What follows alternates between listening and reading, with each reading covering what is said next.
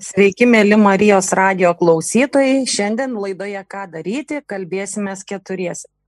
Tai yra laidos vedėja Jeva Daukienė, Inga Budrytė, spetspedagogė, logopedė, taip pat savanoriaujanti Lietaus vaikų stovyklose, mama Tatjana, kuri augina 11 metų dukrytę su sunkiu autizmu, bei mamos Tatjanos dar viena dukrytė, Elena. Labą vakarą visoms pašnekovėms. Garbė Jėzui Kristui. Sveiki. Ir pirmiausiai norėčiau pakalbinti vienuolikmetės Aleksandros mamytę Tatjaną. Kaip atrodo jūsų su Aleksandra kasdienybė? Nu, jeigu imti eilinę dieną, e, mergaitė 11 metų, jinai lanko mokyklą, Prano Daunio ūkdymo centrą specialioji mokykla tai mažai turbūt ko skiriasi, kaip įprastai visų, visų mokinukų keliamės, pošėmis einama mokyklą, nors ir karantinas neįgaliukams vaikams yra įprastas mokymas, ne, ne nes nuotoliniu būdu jau nieko neišmoktų, nieko nepavyktų, nes reikia jau, jau specialaus pedagogą ir padėjėjas dar. Mokykla, po mokyklos dienos centras, namai, tokia rutina, kasdienybė. Yra savo iššūkių, bet mes kažkaip prie jų įpratę. Pamažu išmokom, nes 11 metų tai jau ilgas laikas dar. Sudėtingam buvo gal pati pradžia, pirmoji klasė, dabar jau, dabar jau nieko. Atrodo, kad, kad taip ir turėtų būti. Gal iš išorės jo aplinkiniams atrodo, kad mums labai sunku, mes tai jau susitvarkom. Daug maž su, su malda, Dievo pagalba. Aha.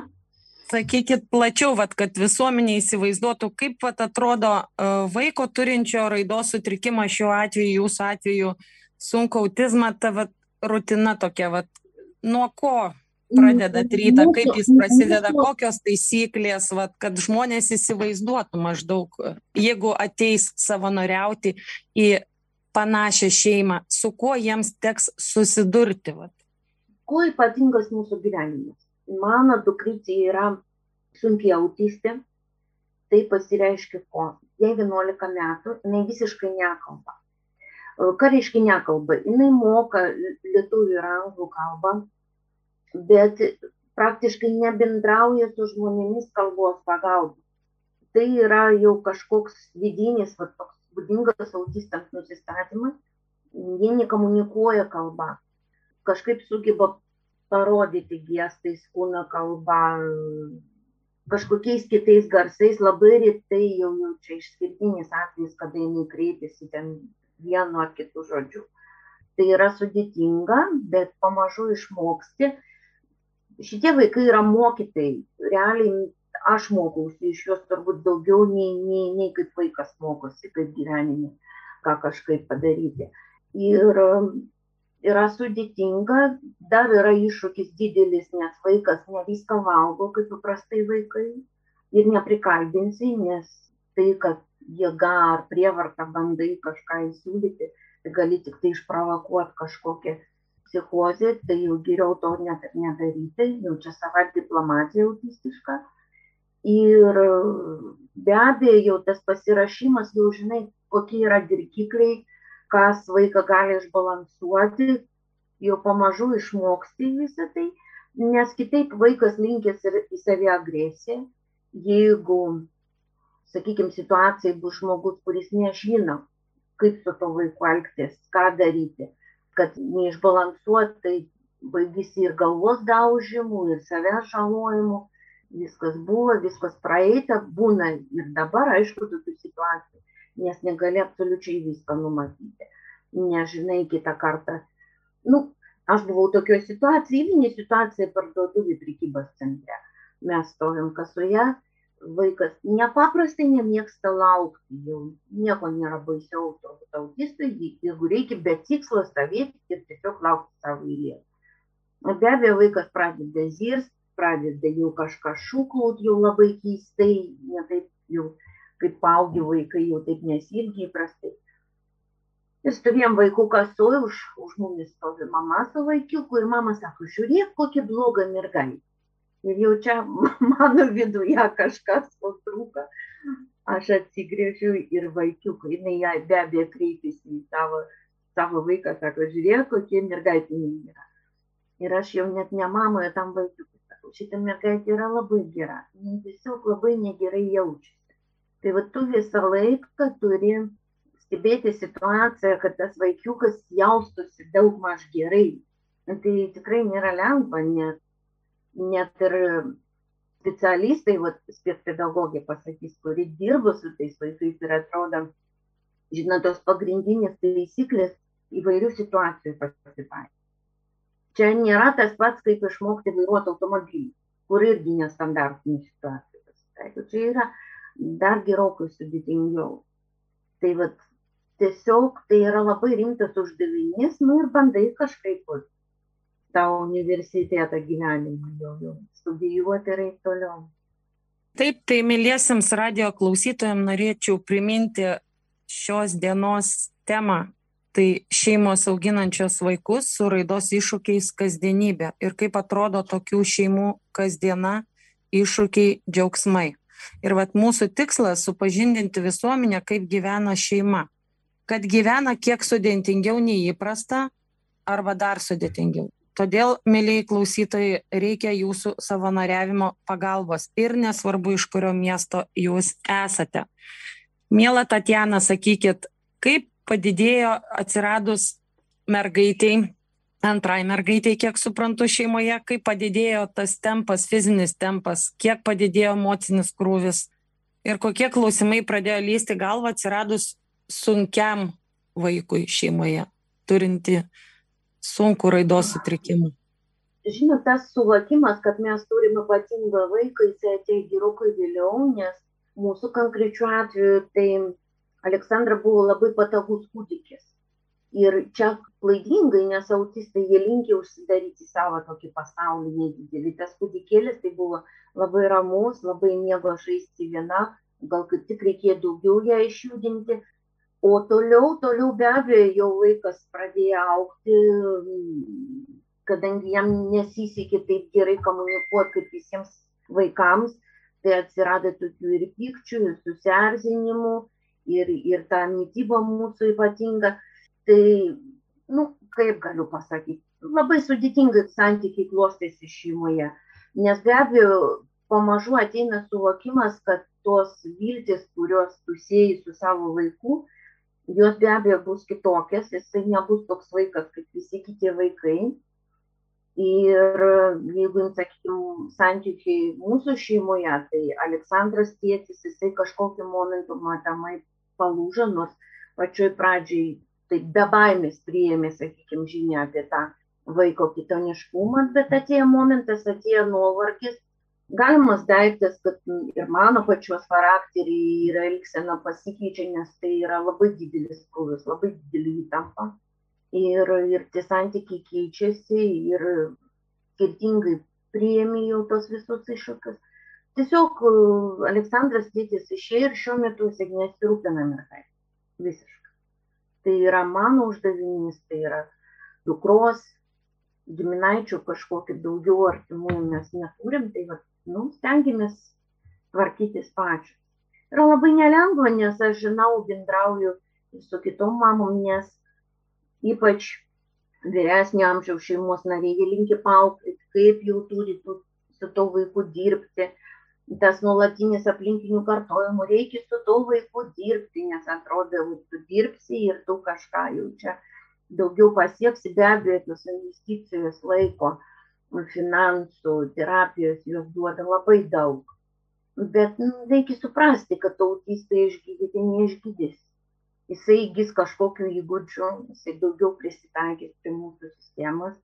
O savanorių pagalba labai reikalinga, bet dar daugiau reikalingas supratimas, nes aš labai dažnai, dabar jau kaip karantinas, tai be abejo viešumas išėjimas jau mažesnis, bet įprastai labai stresuoji, kad nieko neužgauti savo triukšmų, nelaikų ir, ir neteisingai, kad vaikas pasielgtų ten kažką padaryti. Net eidant į tą pačią bažnyčią, aš labai ilgą laiką stresavau, kad per mišęs vaikas pradės šūkauti ar tamdytis, ar kažkur bėgs, ar kažką netai padarys. Labai didelis kompleksas buvo. Tai, nu, tokia atrodo paprasti dalykas, bet. Ačiū, tai... mėla Tatjana. Sakykit, aš dabar norėjau pakalbinti e, logopedę ir spetspedagogę Ingą. Mėla Inga, sakykit, kaip vat, kalbėti su žmonėmis, kurie nesupranta mūsų vaikų, vat, kaip ir Tatjana minėjo viešumoje būnant, tarkim, ir užgauna, ir, ir nemalonių žodžių tenka išgirsti. Kaip vat, paaiškinti visuomeniai mūsų?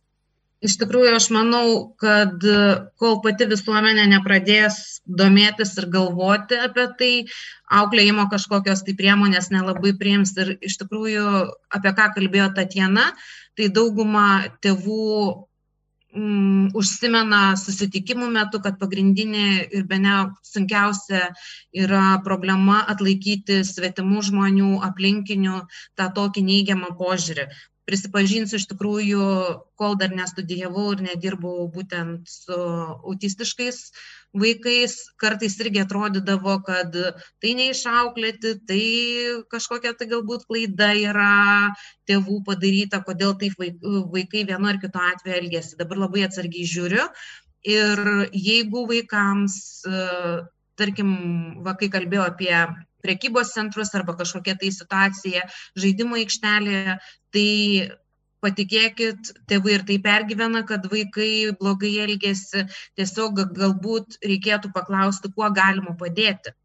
Nes jeigu prekybos centre pilnas vežimėlis ar krepšelis e, prekių, tai o čia vaikas puola, čia griūna ar supyksta, tai tikrai tėvam yra pakankamai sudėtinga ar čia palikti krepšelį, ar pulti prie vaiko, ar dar kažkas tai.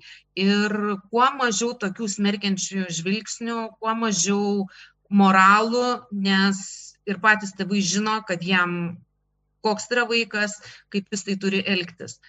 O daugiau tai, kad vyksta stovyklos, kad tokių vaikų šeimos e, būrėsi bendruomenės, rengia tam tikrus e, renginius, eina į visuomenę, bendrauja su teatrais, tikrai žinau, taip pat e, su bibliotekom, rengiami įvairūs filmukai. Tai rodo jau tai, kad visuomenė, manau, su laiku pradės suprasti ir priimti kitokius. Taip, sakykit, o kai ateina vaikas pas jūs, kaip vyksta tėvų ir vaiko tas susitikimas pirminis, kokie vat tėvų būna lūkesčiai, suvokimas ar daugiau nusivylimas, nu, nes juk be abipusio to ryšio nebūna ir pradžios kontakto suradimo su vaiku, argi ne taip? Taip, tikrai taip. Ir galiu pasakyti, kad tas susitikimas pirmiausia nėra taip. Tėvai vis tiek, jeigu kreipiasi specialistus, jie nori to tokio kaip ir rezultato, ar ne, arba kai kurie tėvai, jeigu tik tai sužino e, diagnozę arba įtarė, tai nori tarsi patvirtinimo arba paneigimo, kad jų vaikui to nėra. Ir pagrindę, su kuo aš susiduriu, dirbdama iki mokyklinį ūkdymo įstaigoje, ir paskui kitame darbe jau konsultuodama tėvus, skirtumas yra tas, kad ūkdymo įstaiga, būtent darželis yra ta vieta, kurie be ne pirmiausia turi pasakyti tevam, kad jų vaikui galimai tariamai mes įtariam, kad tai yra autizmo spektro sutrikimas. Ir tėvai skirtingai reaguoja. Kiti pyksta, kiti mm, bando slėpti, kad tai nėra neigimas. Ir aš pilnai suprantu, kad aš dirbdama kasdien arba keletą kartų per savaitę po 20-30 minučių nesusiduriu su ta kasdienybė, su kuria susiduria tėvai. Ir tarsi atrodo, kad viskas kaip ir jau vaikas pradėjo šnekėti, bet būna atveju, kai nutyla ir tėvai gyvena tarsi amerikietiškose kalneliuose, aukštyn žemyn, pakilimai, nuleidimai ir ta būsena, su kuria gyvena tėvai, aš negaliu įsivaizduoti. Ir tas pirmasis susitikimas, susitikimas yra, aišku, taip, kad vaikai turėtų nu, kaip pasakyti, mes irgi renkame žmonės, ar ne? Aš renkuosi, su kuo bendrauti, tie su manim renkasi bendrauti ne su visais išeina ir, ir tą rasti ryšį. Ir pagrindinė mūsų toks kaip ir tikslas pirminis yra, kad aš rašiau prieimą, supratimą ir su vaiku ir kad man būtų lengviau pareikalauti galbūt daryti tai, ko aš norėčiau, kad bendras mūsų tikslas ten kalbėjimas arba tam tikri įgūdžiai lavėtų arba įsitvirtintų.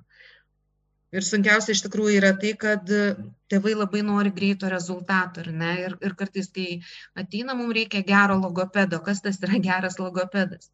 Nes statistika rodo taip, kad apie 30 vaikų jie gali net nekalbėti.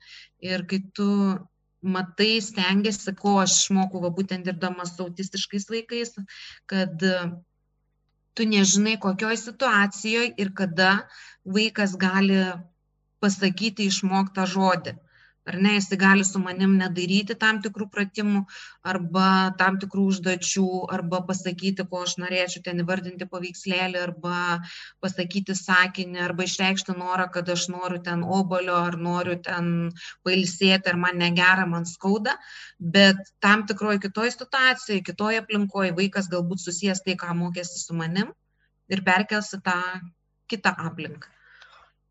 Tai pagrindė toks būtų žingsnis, kad rasti tą ryšį, nes ne visi vaikai priima ir irgi, iš tikrųjų, jeigu tu žinai vieną autistą, tai tu žinai jį vieną, bet jeigu tu dirbi su keliais, tai jie yra visi, visi skirtingi ir tas pats metodas, tas pats būdas, kas tinka vienam, nebūtinai tiks, kad kitam, galbūt vienam patinka tavo apranga, spalva rūbo, o kitam tai iššaukia priešiškumą ir tu negali pasakyti, kad negali atrasti iš tikrųjų priežasties, dėl ko tas vaikas vienaip ar kitaip elgesi, kodėl jis neprisileidžia prie tavęs. Tai va tokios galbūt pagrindinės iš tikrųjų ir susitikimo tos tokios lūkesčiai viltis. Ačiū, mėla Inga. Sakykit, Tatjana, e, jūs turit dar vieną dukrą, vyresnę dukrą. Taip? Ir norėjau paklausti, kaip vat, jūsų vyresnioji dukra reagavo į kitokio vaiko atsiradimą jūsų šeimoje. Kaip jūs paaiškinote jai, supažindinote ją? Suprantat, praeina didelis laiko tarpas, kai vaikas gimsta ir, ir kada, sakykime, jam jau diagnozuotas jau, jau tas sutrikimas ar yra kažkokie pirmieji įtarimai. Be abejo, per tą laiką jau visi ir prisiriša prie to vaikiuko ir pamilsta jį. Ir um, ta žinia apie tai, kad tai yra rimta negalė, nei labiau ryšasi gal su tais uždaviniais, tai aš paminu, kad man pačiai, nes nu, kaip jaučiasi dukra, jinai pati pasakys, kaip, kaip ir kada jie atėjo tas supratimas. Man pačiai buvo labai sunku, kaip aš pirmą kartą, ne taip, kad išgirdau diagnozę, diagnozės aš gal taip neišsigandau, bet kada aš gavau vaiko neįgalumo dokumentą. Ir ten buvo parašyta, kad sunkiai negalia, ir man tai buvo, nu, kažkokį, aš gavau pažymą apie tai, kad aš turiu rimtą bėdą, sakykim taip.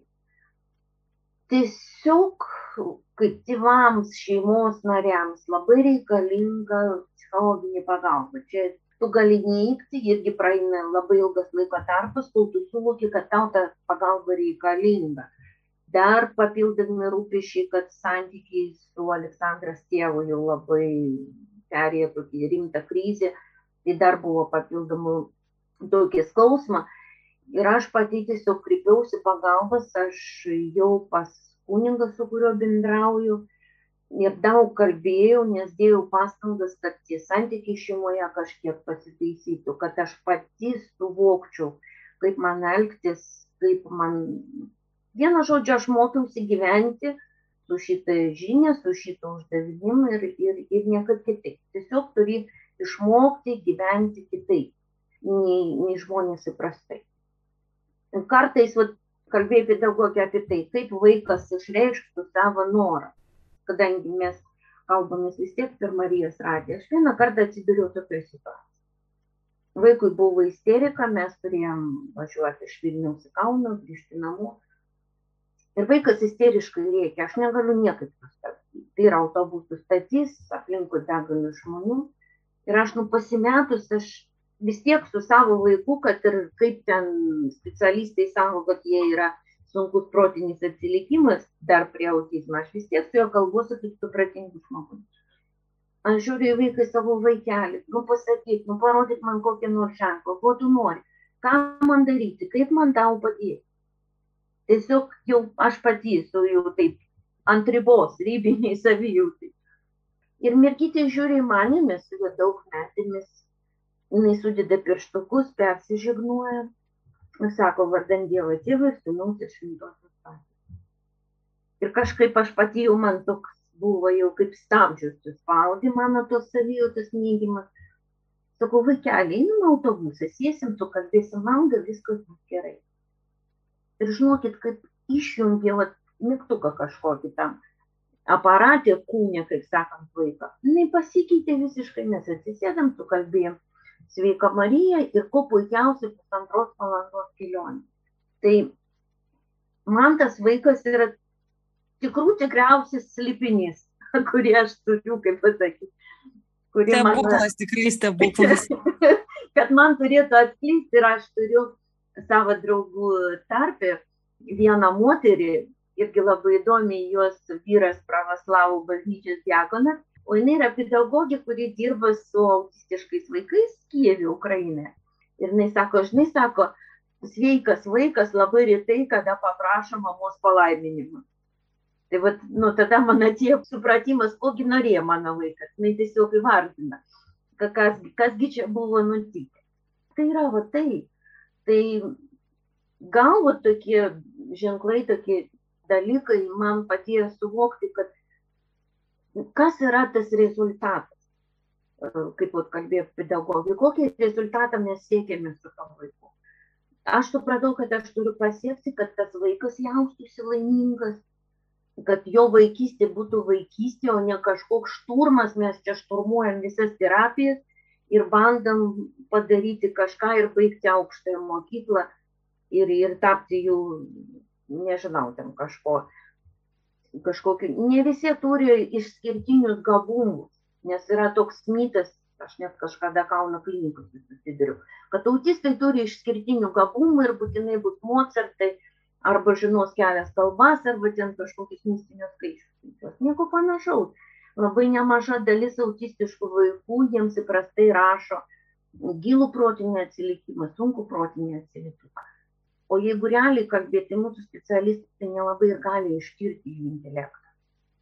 Ir tai yra tikrai toks slėpinys, aš turiu išmokti, kaip iš to vaiko ištraukti tą, ką jisai sugeba tai yra stebuklas kiekvieną dieną. Kiekvieną dieną kažkas atsitinka tokį, kad nu, aš nu, nustembu, kad tas vaikas, jeigu kalbant apie mano vaiką konkrečiai, nu toks irgi visiškai man nepaaiškinamas dalykas ir kiek aš pasakoju specialistams, irgi labai įdomiai tai žiūrėti. Visi vaikučiai praeina, prieina jau tą momentą, kada jie išmoksta vaikščioti. Mes gyvenam nuosavam name, turim laiptus antrą aukštą, labai status, tikrai jau labai saugiai vaikščioti Ir kai auga vyresnioji dukra, mes turėjom vartelius. Kai išmoko šliaužyti Aleksandrą, atrapuoja jau taip pat sargiai, sakau, vaikeli, čia yra laiptai, čia negalima, mes galim užsigauti, nukristi ir taip toliau. Ir žinokit, mes užaugom be tų vardelių. Vaikas, kuris praktiškai niekada nekalbėjo, jinai antiek saugi mergaitė, kad gal kokių trijų metukų jinai išmoka ir užlipti į viršų ir nusileisti pati viena savarankiškai. Jis niekad ne, jinai ateidavo pas mane, paprašydavo pagalbas ženklais.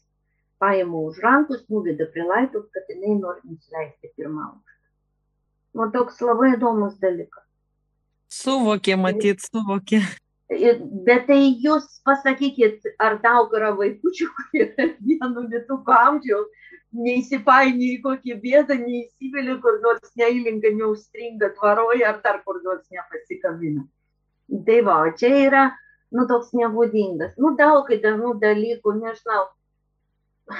Mes turim suprasti, kad tai yra tokie pat žmonės kaip ir visi kiti. Jie myli, jie kažkaip galbūt savaip, visai kitaip reiškia emocijas. Bet jie viską jaučia ir panakinis jie viską supranta. Nes be abejo, aš turiu e, savo artimuoju aplinkoje tokį, nu, tolimą giminaitį, bet vis tiek bendraujam.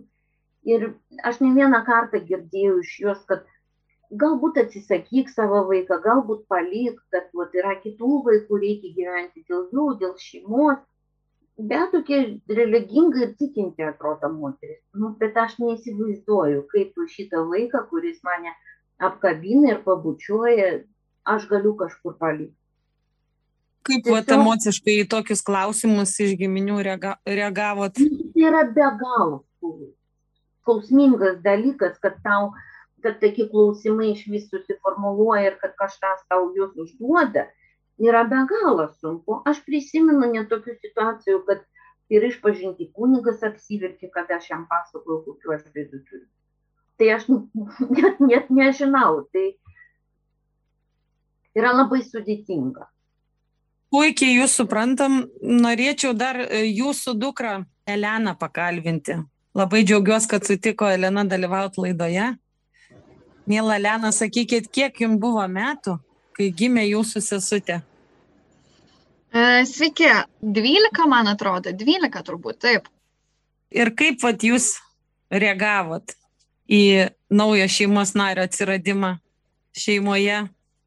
Na, kaip reagavau į patį atsiradimą, turbūt e, sunku jau ir prisiminti, būnant 12 metų, kokia buvo reakcija. Gal pavydo jausmas, kad naujas šeimos narys dėmesys ne jum vienai bus? Oi ne, iš tikrųjų jokių, jokių pavydų tikrai, tikrai nebuvo, nes e, pati pakankamai koncentravausi į mokslus ir iš tikrųjų net nebūdavo labai daug to laiko su šeima, kažkaip galiu pasakyti, to praleidžiamo, nes tiesiog, na, nemažai buvo ir nemažai užklasinių veiklų aš lankiau, tai kažkaip e, tikrai pavydo jokio nebuvo. O vat kai tėveliai sužinojo sesutės diagnozę, kaip pati reagavot? Taip, iš tikrųjų, tai ta diagnozė, aš dabar nepasakysiu, gal mama turbūt geriau prisimintų, kada jinai tiksliai buvo, bet, bet kokiu atveju aš tuo metu buvau dar, na, paauglystės mano metai buvo ir, ir tiesą pasakius, aš tuo metu tai visiškai nesureagavau. Man tai, na, kažkoks taip, na, kažkoks sutrikimas raidos, na, pagalvojau, gal truputį bus sunkiau. Ir, ir viskas, ir tiek. Ir aš kažkaip iš tikrųjų, na, um, nebuvo man nei kažkokio šoko, turbūt, kurį patyrė mama, ne, pamačiusi ir tą diagnozę, ir tą na, neįgalumo nustatymą. Uh, man to šoko nebuvo, nes aš tada dar tikrai, tikrai nesuvokiau nei kas tai yra, nei kai, kodėl tai yra, nei kaip tai yra. Ir turbūt didžiausias suvokimas atėjo, kai, na, truputį ūktelėjo ir sesė, ir kažkiek ūktelėjau aš, ir 11 ir 12 klasėje kuomet, na, reikėdavo ruoštis ir egzaminams, ir apskritai ir pamokoms, be abejo, namų darbai, ir tiesiog nebūdavo įmanoma tą daryti, nes niekada namuose nebūdavo tylos. Ta prasme, sesė, kadangi jinai turi, na, sunku autizmą, tai nebūtinai būdavo, na, klikimas ar, ar rėkimas, Ta prasme, tai galėdavo būti ir juokas, tai galėdavo būti ir dainavimas, bet niekada absoliučiai nebūdavo namuose tylos. Ir e, man asmeniškai tai buvo labai sunku. Um, ne tik, ta prasme, ruošti pamokas ar ruoštis egzaminams, bet uh, apskritai sunku psichologiškai būti tokioje aplinkoje, na, kur niekada neįmanoma pabūti tik savo. Turėti savo erdvę, turėti tylą galiausiai tą pačią. Ir nežinau, pagyvenus turbūt e, apskritai ir tokioje šeimoje ir turint tokią sesę, na, pradedi vertinti net ir pusvalandį tylos turbūt. Tai, nežinau, man tas suvokimas turbūt 11-12 klasėje labiausiai. Sakykite, o kaip pats vat, jūsų gyvenimas pasikeitė po sesers gimimo? Iš tikrųjų, būtent tas, tas va, periodas, kuomet buvau baigiamosios tose klasėse, Jis gal ir buvo ta, tas pats sunkiausias, nes visų pirma, psichologiškai buvo labai labai sunku. Aš nuoširdžiai negaliu. Ar kreipėtės kažkur tai pagalbos, ar pati savyje kažkaip stengiatės užspausti, vat, ir mokytis reikėjo susikaupti moksluose, kaip tai pavyko padaryti? Taip, iš tikrųjų aš psichologinės pagalbos nesikreipiau tuo metu. Tikrai manau, kad e, psichologinė pagalba nebūtų pamaišusi ir netgi labai labai padėjusi. Bet e, aš radau ir kitą išeitį, kurią piknaudžiaudavau gal truputį iš tikrųjų ir, ir savo mamą palikdavau truputį tokioje, kaip čia pasakyti, ne, negaliu pasakyti, kad bedoje, bet e, iš tikrųjų mano mama daugiausia užsiimdavo sesę ir jos priežiūrą. o aš kaip sesė e, vis kažkur pabėgdavau į ramesnės vietas ar į tylą. Ir būdavo, pavyzdžiui, na, prie, mūsų, prie mūsų namų būdavo tokia kavinė. Tai būdavo ištisi savaitgaliai, kuomet aš nuo pat ryto iki pat vakaro sėdėdavau, mokydavausi, e, studijuodavau kažką. Ir tiesiog, na, taip kažkokiu būdu bėgdavau ir ieškodavau savo ramybės. Tai iš tikrųjų aš gal ir mamą kažkiek bėdoje palikau tuo metu. Bet jo, iš tikrųjų, ta, na, ta prasme, ta kasdienybė būdavo tikrai sunki. Jeigu, jeigu ar negalėdavau išeiti kažkur, ar, ar galiausiai nerinkėdavo prižiūrėti sesę, tai, na, kažkaip pradėdavau vis tiek leisti daugiau su jie laiko, nes, na, reikėdavo ir dirbti tavams, be jokios abejonės. Tai būdavo leisdavau su jie laiką ir, na, anksčiau tai būdavo ypatingai turbūt sunku, nes niekada nesuprasi nei kas vyksta, nei kodėl vyksta, kodėl sesė verkia, kodėl sesė džiaugiasi ir panašiai, ką daryti, kad jinai neverktų. E, galiausiai būdavo tie patys, e, na, turbūt ši, šitą faktą jau daugelis žino, kad vaikai su autizmu, na, jie turi labai didelį polinkį uh, aš manau, kad nemažai, nemažai vaikų su autizmu turi tą polinkį smurtauti prieš save ir ar tai būtų kumščių daužimas į galvą, ar tos pačios e, galvos trankimas į sieną ir panašiai. Na, labai sunku suvokti, kaip galima su savimi taip elgtis ir ką daryti, kad sesė taip nesielgtų. Ir, tu prasme, nu, būdavo, kad tiesiog, nu, nežinai, ką daryti, kad jinai nustotų, laikai tas rankas, jinai vis tiek kažkaip bando ir, tu prasme, nu, būdavo labai sunku tuo metu tai buvo tikrai, tikrai sunku. Kitas dalykas, kurį ir mama minėjo, tai yra visuomenės nesuvokimas galbūt, kas tai yra ir, ir kaip į tokius vaikus reaguoti ir kad tokie vaikai apskritai egzistuoja, nes na, būdavo, būdavo ir draugų rate, kad pasakai, jog sesė yra su autizmu, tai sakydavo, o, tai, o kas tai yra tas autizmas, gal galėtų man papasakoti, čia lyga ar kas. Ir, na, po truputį, po truputį, aišku, ir, ir aplinkinių ratą apšvieti, kas tai yra ir koks tai yra iššūkis ir kaip tai gali būti iš tikrųjų sunku. Ir aišku, matėme turbūt ir, ir su paskutiniais atvejais Lietuvoje, su tėvais turinčiais autizmą, na, kiek, iki kiek tai gali būti sunku, jeigu prisiminti tą Lietuvos atvejį. Tai iš tikrųjų, nors mano atveju, kai būdavo su visuomenė tas e, kažkoks e, susidūrimas, kuomet reikėdavo, na, tarkim, nežinau, pa, pasiimti sesį iš darželio ir užsukti į parduotuvę kažko nupirkti. Tai man būdavo, na, kaip ir mama minėjo, toks kompleksas iš tikrųjų, nes, na, nežinai, galbūt sesė pradės rėkti ar kažkas ir, na, būdavo beprotiškas stresas. Tikrai, nu, nueiti su sesė į parduotuvę, kad ir penkioms ar dešimčiai minučių būdavo didžiulis stresas buvo tikrai ne vieną kartą, kad, na, pradėdavo rėkti. Ir nors bent mama galbūt jau, na, kažkiek turi tą suvokimą, kiek, nes jinai tikrai daugiau laiko praleisdavo su sesė, bet, na, jinai turėdavo suvokimą, turbūt e, ko jinai nori, ar kaip su ja elgtis. O pas mane toks suvokimas net, net ir dabar turbūt netėjęs, bet dabar kur kas yra turbūt lengviau dėl to, kad, e, na, vis tiek su metais kažkiek, e, kažkiek aišku ir tas samoningumas didėja, ir tas kontaktas stipresnis atsiranda ryšys, bet tuo metu, na, aš nežinodavau, kaip elgtis. Tiesiog bandydavau kažkokiu būdu raminti, bet, nu, labai būdavo sunku. Tikrai. Ačiū, kad dalinatės. Norėjau paklausti, va dabar tokio sunkaus gal klausimo morališkai, ar pagalvojat apie sesers ateitį, va, kas bus, kai tėvų nebebus? Taip, uh, nebejotinai, nebejotinai. Ir, um, ir turbūt šitas klausimas, na, bet uh, nenoriu sumeluoti, aš manau, kad jis atsiranda, na, jeigu ne kiekvieną dieną, tai tikrai kas antrą, kas trečią dieną galvoje. Ir kiekvieną kartą galvodama apie savo ateitį, aš visą laiką absoliučiai pagalvoju apie sesę, kad, na, bet kokiu atveju tėvai turbūt uh, nėra nemirtingi, uh, nebejotinai, na, reikės sesę rūpintis be jokios abejonės. Tai yra sunki tokia atsakomybės našta dėl to, kad žinai, jog tau niekas negali atsitikti, tu turi pakankamai stabiliai stovėti ant kojų, nes žinai, kad ateityje galimai, kadangi, kadangi na, sesis yra sunkus autizmas, tai aš e, nebejoju, kad na, e, reikės tikrai ir padėti, ir išlaikyti sesę, ir galbūt, na, jeigu ne kartu gyventi, tai tikrai šalia gyventi ir nuolatos rūpintis. Tai, na, tai yra sunku, nes tai yra atsakomybės našta ir žinai, kad tu ją neši iki savo gyvenimo galo. Taip, ačiū Jums, kad dalinatės. Aš dabar norėčiau pakalbinti logopedės pats pedagogė Inga. Sakykit, kaip vat, atsiradus šeimoje sunkiam vaikui, kaip vat, neurotipiškam vaikui paaiškinti, kaip rasti tą viduriuką bendravimą šeimoje atgaivinti?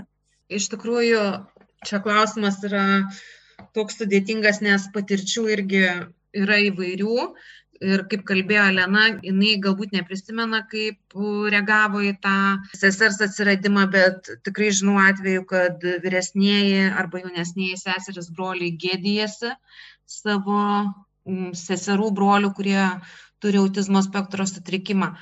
Bet pagrindinis iš tikrųjų toks kaip ir patarimas būtų, kad kalbėti. Kalbėti, kad mes esame visi skirtingi, turim tam tikrų bruožų, kurie galbūt patinka ar nepatinka ir nebijoti kreiptis pagalbos į specialistus, kurie tikrai galėtų padėti išspręsti tą šitą tokią opę problemą. Ir aišku, tai priklauso nuo tarpusavio santykių, kaip supranta, kaip priima, kaip bendrauja tėvai su, su vaikais, nes kaip taisyklė yra atsiradus neįgaliam vaikui šeimoje daugiau dėmesio yra skiriama tokiam vaikui, o ne neurotipiniam, kuris galbūt gali savim pasirūpinti, tai tu palauk, tai tu padėk ir tiesiog to, to tokio viduriuko atradimas, gebėjimas skirti dėmesio ir tam neurotipiniam vaikui yra labai svarbus. Ir apie ką jūs pradžioje laidos kalbėjote, kad savanorystė iš tikrųjų padėtų galbūt, e, jeigu savanoris pabūtų kurį laiką būtent su vaiku, kuris turi autizmo spektro sutrikimą, tėvai galėtų laiko skirti kitam vaikui. Ir propaguojant iš tikrųjų siūlyčiau visus, kurie nežino galbūt ar neturi ką veikti, pabandyti įsilieti į šitą bendruomenę, kur tikrai pamatysit, kad jūsų problemos yra netokios didelės ir netokios svarbios, kaip būtent tų šeimų, kuriuose auga vaikai turintys autizmo spektro sutrikimą.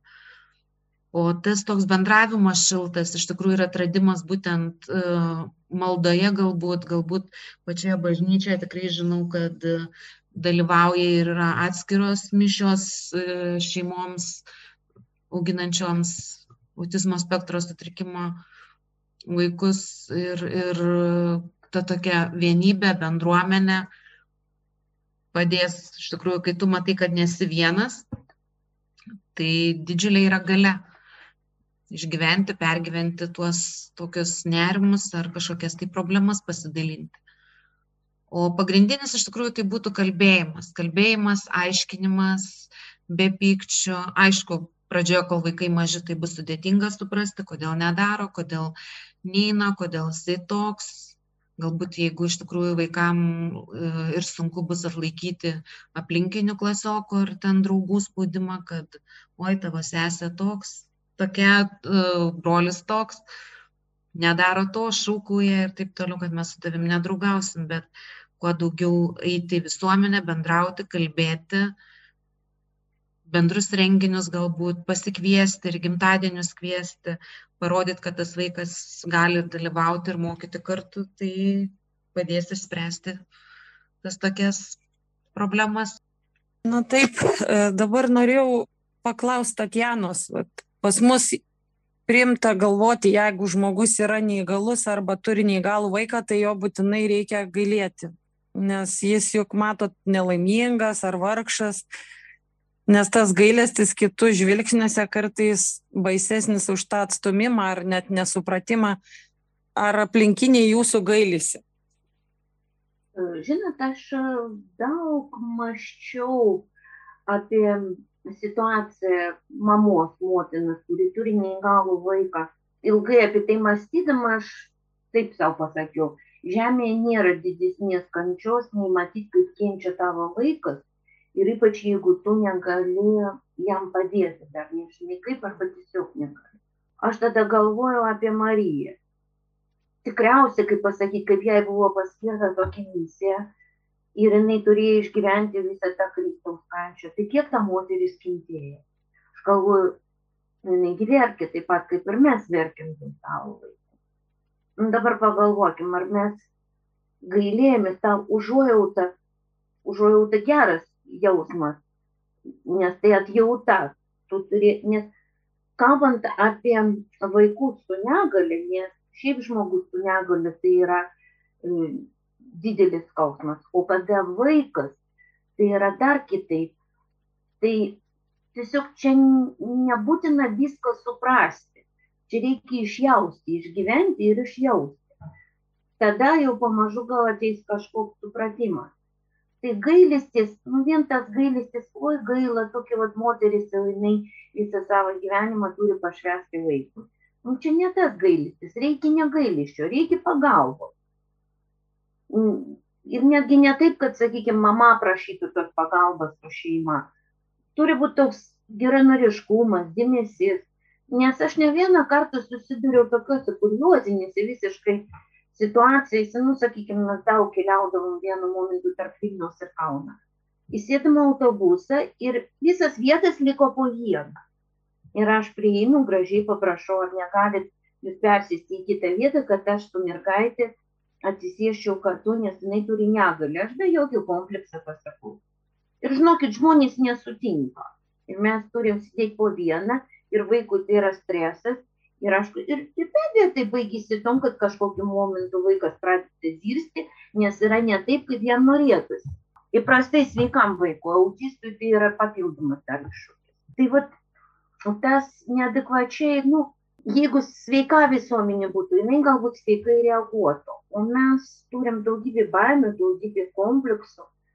Ir, sakykime, tą nežinę, kas, kas bus su tuo vaiku, jeigu aš susirgsiu. Kas padės, kur bėgti, ypač jeigu neturi jau čia tokių jau, jau artimų giminaičių, užkrauti draugams nesinori. Nu, aš nesijaučiu, kad mane kažkas labai gailėtųsi ir aš nesijaučiu apgailėtina.